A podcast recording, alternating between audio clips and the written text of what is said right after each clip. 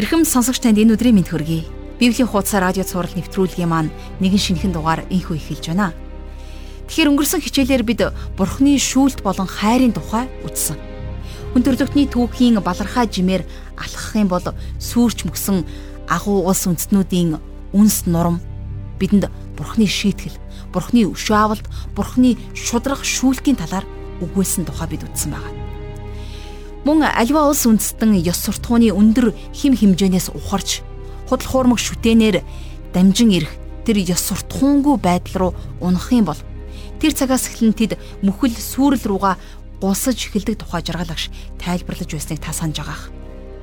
Харин өнөөдрийн хичээлээр бид үргэлжлүүлэн хамтдаа Бурхан биднийг өөрийнх нь үгийг дуулууртай дагаасаа гэж хүсдэг. Бурхан бидэнд ямагт сайныг хүсдэг учраас бидэнд бурхны хүслээс хазаахгүй амьдрах нь чухал гэдгийг хамтдаа сурах болно.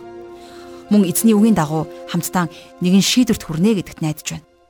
Мөн бид бурхны үгийг судалж бурхны үгийг мэдсэн ч гэсэн түүнийг хэрэгжүүлэхгүй дуулууртай даахгүй бол энэ нь бидэнд ямар ч тусгүй байх тухай бид үзэх болно. Бид хамтдаа өнөөдөр Иремья номын 40-р бүлгийн 1-р ишлэлээс 44-р бүлгийн 30-р ишлэлийг дуустал хамтдаа уншиж судлах болно. Ингээд эзний өмнө хичээлийн энэ цагийг өргөөд хамтдаа залбирцгаая. Бурхан эцэг минь таньдаа талархал магтаалыг өргөж байна. Энэ өдрийн энэ цагаар дамжуулан та бидэнд өөрийгөө илчилж, өөрийгөө улам илүүгээр таниулж өгөөч гэж гуйж байна. Их эзэн минь таны айлдсан бүхэн биелэлээ олдог гэдгийг танд итгэж найдсан нэгэн таны ивэл өрөөлийг хүртдэг гэдгийг энэ цагт өөрийн үгээрээ дамжуулан бидэнд ухааруулж өгөөрэй. Хичээлийн энэ цагийг эхнээс нь дуусах хүртэл бид таньдаа даатгаж эзэн Есүсийн нэрээр залбирanгуйч байна.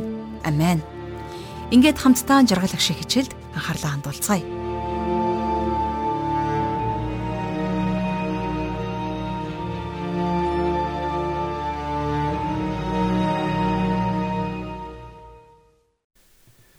За Иремья номын өнөөдрийнхөө хичээлээр хамтдаа уулзаж байгаадаа баяртай байна. Тэгэхээр өнөөдөр бид хамтдаа номынхоо 40-р бүлгээр хичээлээ эхлүүлье.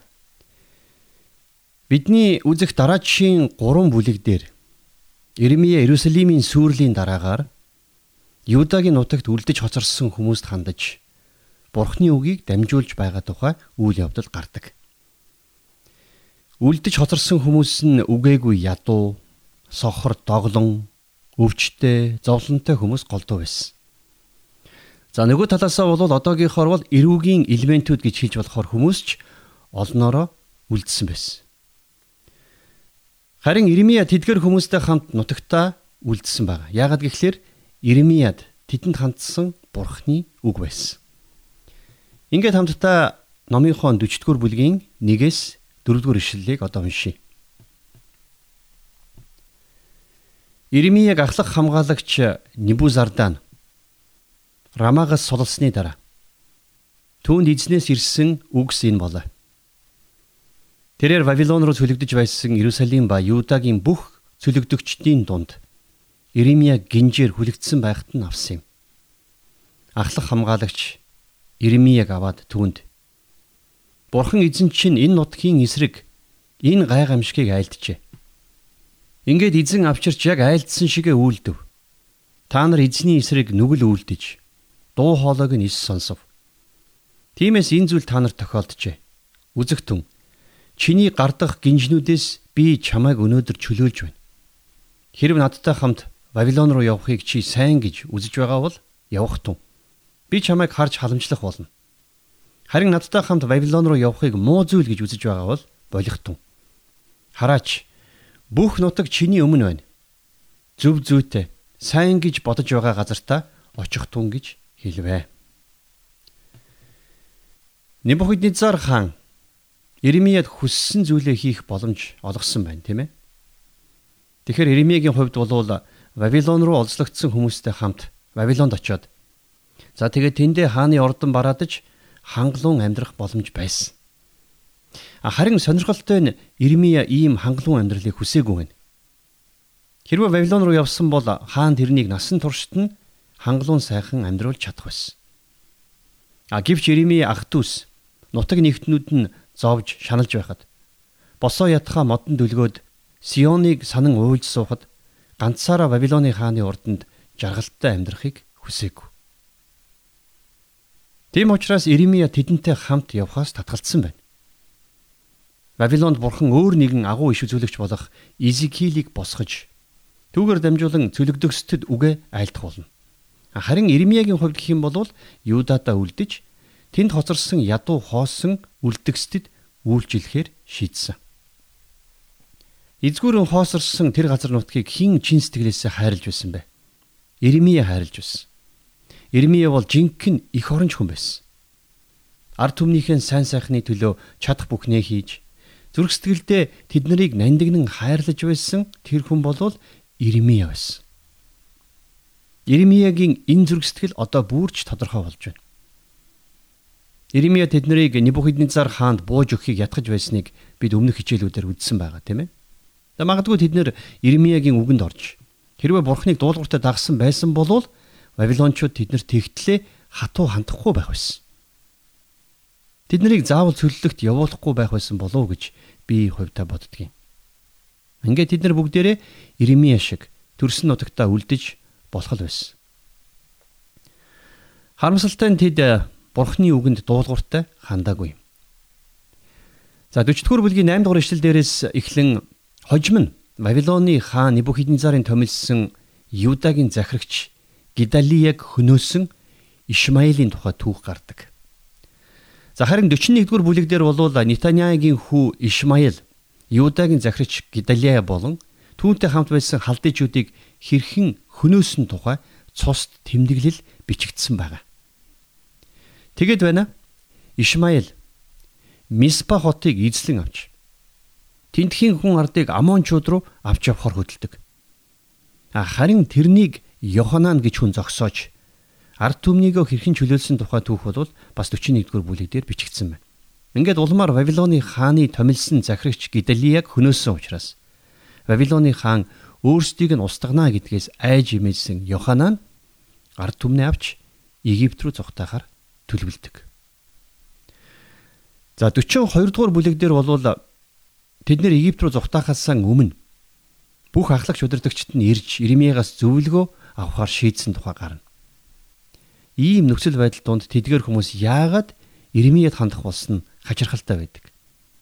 Ямар ч тач тэд нэр нутагтаа үлдэх үү эсвэл Египт рүү нүүх үү гэсэн асуултанд хариулт авахар Ирмия дээр ирсэн байна.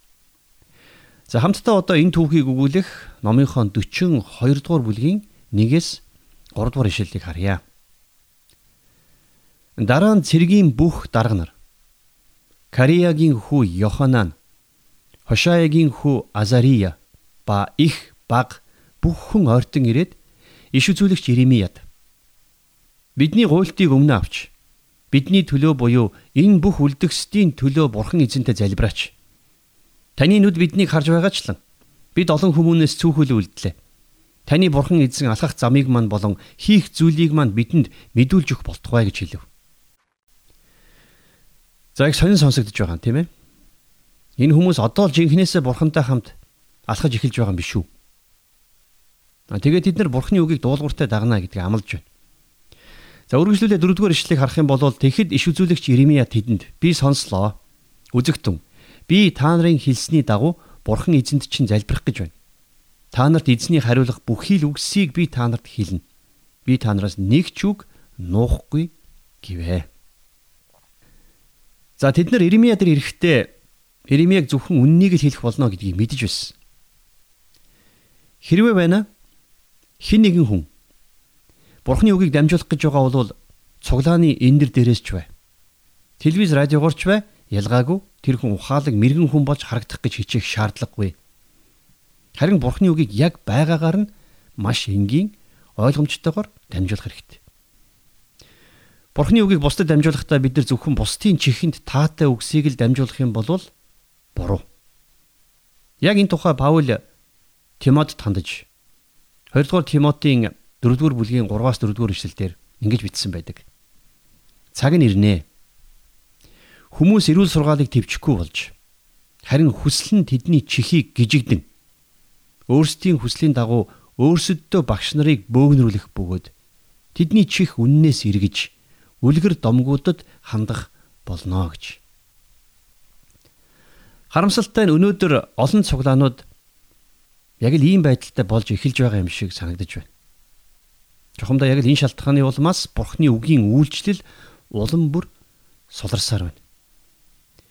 Хэрвээ өнөөдөр чуулгануудын эндэр дээрээс Бурхны үгийг яг Иремья шиг байгаагаар нь дамжуулж байх юм бол юу ч нууж даралгүйгээр бүгдийг сайнтай муутай нь хилжил байвал тэр цагт Бурхны үг үр дүнтэйгээр ажиллаж эхлэх болно. За ингээд Иремья тэдэнд Бурхны айлдсан үгийг яг байгаагаар нь дамжуулсныг хамтдаа 42 дугаар бүлгийнхээ 9-өөс 10 дугаар ишлэлээс харъя.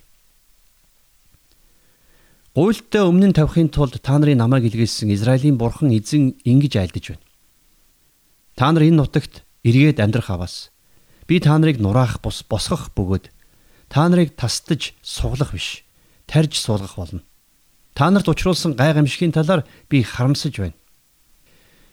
За эндээс харах юм бол Хэрвээ тэд нар бурхныг дуулууртай дагах юм бол бурхан тэднийг цаашид чүүхгүй гэдгээ энд тодорхой хэлсэн байна.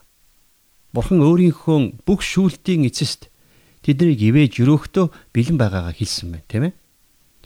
За үргэлжлүүлээд 11-ээс 12 дугаар ишлэлдэр болохоор өөрсдийн айж байгаа Вавилоны хаанаас битгий. Түүнээс бүү ай гэж эзэн тунх гэлж байна. Та нарыг түүний гараас аварч чөлөөлөхийн тулд би та нартай хамт байна. Тэр та нарт өршөөл үзүүлж та нарыг хөрсөнд чинь сэргээхийн тулд би та нарт өршөөл үзүүлнэ гэж хэлсэн байна. Тэгэхээр Иремэ бурхны үгийг яг бурхнаас авсан тэр чигээр нь л дамжуулсан. За энэ удаад бол бурхан өөрийн ард түмэнд үнэхээр урам зориг өгсөн. Маш ивэлтэй үгсийг хэлсэн байна, тийм ээ. Энэ олон жилийн турш Иремьягийн дамжуулсан үгс үргэлж биелж байсан учраас ард түмний удирдагчид Иремьяг үннийг хэлдэг, Бурхны үгийг байгаагаар нь дамжуулдаг хүн гэж мэдээж таньсан байх учиртай. За ингээд Иремья дээр ирж Бурхны хүслийг асуулгаж байгааг бодох юм бол тэд нар үнэхээр Бурхныг дуулууртай дагж Бурханд итгэх гэж байгаа юм шиг харагдаж байна. Иремья тэднэрт Бурхныг дуулууртай дагахгүй бол ямар шийтгэл буухыг ч сануулсан. Хамтдаа 18-аас 20 дугаар ишлэлийг одоо харъя. Учир нь төг төмдийн эзэн Израилийн бурхан ингэж айлдаж байна. Иерусалимийн оршин суугчид дээр уур хилэн маань асгарсан шиг та нарыг Египтэд орох үед миний хилэн та нар дээр асрах болно. Та нар хараал, аимшиг, зүхэл, зэвүүцэл болно. Харин энэ газрыг та нар дахиад харахгүй гэв. Юдагийн үлдгэстэй эзэн та нарт Египт рүү битгий яв гэж айлдав. Өнөөдөр би та нарт анхааруулсан гэдгийг мэдэгтэн. Та нар сэтгэлдээ алдаж буруутав. Бидний бурхан эзэнд бидний төлөө залбираач. Бурхан эзэн маань юу ч хэлсэн бидэнд тээнхүү хэлж бид түүнийг үйлдээ гэж хэлэн намайг бурхан эзэндээ та нар л илгээсэн шүү дээ гэж Иремья хэлсэн байна, тийм ээ. Харамсалтай нь болж өнгөрсөн бүхэн тэднэрт юу ч ойлгуулаагүй. Тэд нэр бурхныг үгийг дуулууртай дагахаас татгалцсан. Тэд нэр Иремьягийн үгийг сонсоогүй. Бурхан тэднийг Египт рүү битгий яваа гэж тодорхой сануулсан байна. Харин эцсийн дүндээ тэд нэр хайжсан гэж тийм ээ. Тэд нар бүгдээрээ Египт рүү явсан. За одоо бид нар хамтдаа Иремья номын 6 дахь хэсэг буюу сүүлчийн хэсэг дээр ирээд байна. Тэгэхээр Иремья номын 43-аас 51-р бүлэг энэ 6 дугаар хэсэгт харьяалагддаг юм. За энэ хэсгээс бол бид нэр Египтэд өнгөрүүлсэн Иремьягийн сүүлчийн өдрүүдийн тухай үзнэ. Номын 43-аас 44-р бүлэг дээр Египт рүү зүхтаасан Юдагийн үлдгэстэд зориулсан Бурхны иш үзүүлгийн үгс гардаг. Одоо хамтдаа 43 дугаар бүлгийн 1-ээс 3 дугаар ишлэлийг харъя. Бурхан эзнээс нь тэдэнд илгээгдсэн Иремья ард түмэнд өөрсдийнх нь Бурхан эзний бүх үг буюу энэ бүх үгийг хэлж дуусмагц Хошаягийн хүү Азария, Кариягийн хүү Йоханан болон бусад ихэмсэг бардам хүмүүс Иремияд та худал ярьж байна. Та нар цагаачлахаар Египт рүү битгий яв гэж хэлүүлэхээр таныг бидний бурхан эзэн илгээгээгүй. Харин биднийг халдыйчүүдийн гарт өгөн тэд биднийг алж мөн Вавилон руу цөлхийн тулд Нириягийн хүү Баруух таныг бидний эсрэг өдөөж байна гэж хэлвэ. За Бурхны үг Иремьягийн анхааруулганд хариулсан Юудэчүүдийн хариулт энэ байсан. Бид нар дахиад хуучныхаа алдааг давтсан байна. Ягд гэхлээр Иремья тэдний сонсхийг хүссэн тэр үгсийг нь хэлээгүй. Бурхан Иремьягийн амаар дамжуулан Бурхан тэднийг Египт рүү яв гэж хэлнэ гэж тэднэр хүлээж байсан. А гэтэл Бурхан эсэргээрээ тэднэрт Египт рүү битгий яв гэж тушаасан байна. Цааш нь 5-7 дугаар ишлэгийг харах юм бол харин хөөгдөн очисон бүх үндэстнүүдээс Юдад сууршихаар иргэн ирсэн Юдагийн үлдгэсдийг Кариягийн хүү Йоханан ба цэргийн бүх дарга нар авсан бөгөөд эрэгтэйчүүд, эмэгтэйчүүд, хүүхдүүд, хааны охид мөн Шафаны ач болон Ахикамын хүү Гидалиятай хийгээд иш үзүүлэгч Иремья ба Нириягийн хүү Барухтай хамт ахлах хамгаалагч Нибузарданы үлдээсэн хүмбэр багтжээ. Ингээд тэд Египтийн нутагт орж Учир нь тэд нар эзний дуу хоолойг дагсангүй. Тах Панхес хүртэл явлаа. Йоханан болон цэргийн дарга нар Иерусалим хотод үлдсэн байсан үлдгэсдийг хүчээр Египт рүү дагуулж явсан. За тэдний дотор Барух болон Иремьяч хүчин давтан хамт явсан байна, тийм ээ. Ингээд тэд нар Тах Панхес гэдэг газар хүртэл явсан байна. За энэ бол Египтийн нутагт Израиль үндэстэн бүрэлдэн тогтсон Гошен нутгийн ойролцоо байдаг газар. Тэд нар Иремьяг дургу байхад нь хүчээр авч явсан. За 8-9 дугаар ишлэлдэр тэгтэл тах Панхест айлдахдаа гартаа том чулуунууд аваад Юдагийн зарим ирчүүдийн нүдэн дээр тах Панхест дах фараоны ордны үүдэн дэх тоосгоны зуурмаг шавар дотор нуу гэсэн байна. За дуулуургүй байдал нь тэднийг буцаад Египтийн нутагт аваачсан. Тэд нар бурхныг дуулууртай дагаагүйсээ болоод эргээд Египтэд боол болохоор ирж байгааг бид сая харлаа. За 10-аас 11 дугаар ишлэлдэр тэдэнд төг төмдийн эзэн Израилийн бурхан ийн айлдав.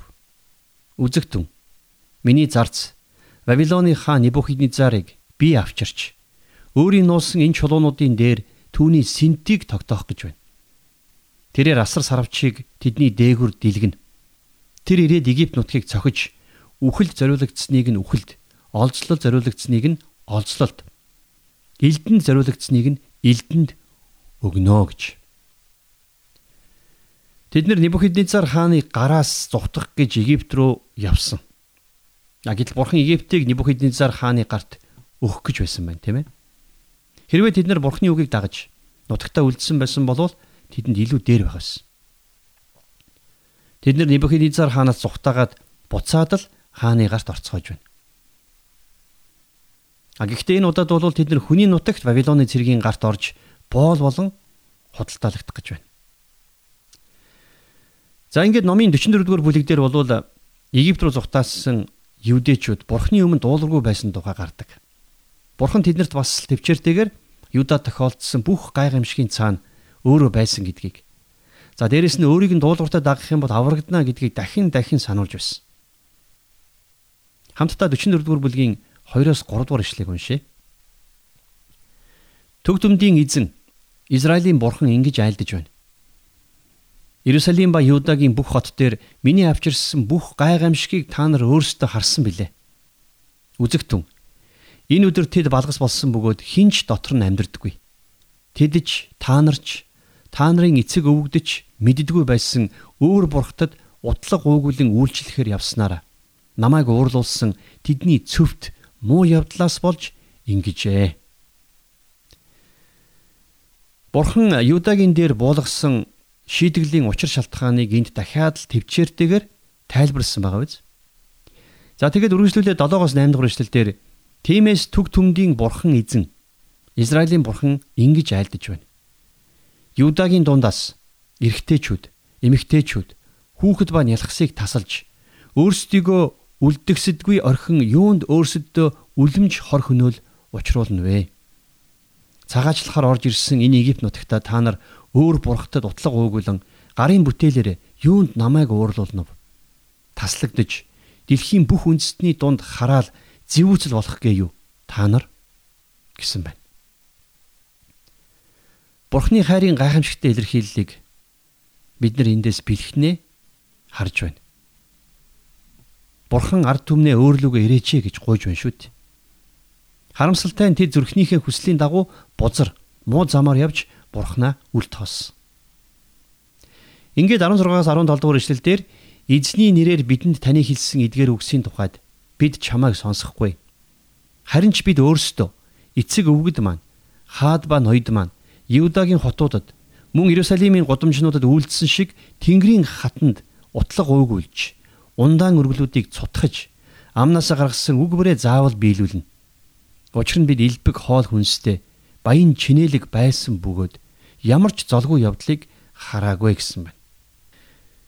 Ингиж нэгэнт евдээчүүд бурхны үгнээс дахин татгалзаж бурхны үгэнд дуулууртай хандхаас дахин зөрүүдэлсэн учраас одоо тэдний дээр шүүлт буухаас өөр зам үлдээгүй гэдгийг энд хэлсэн байна.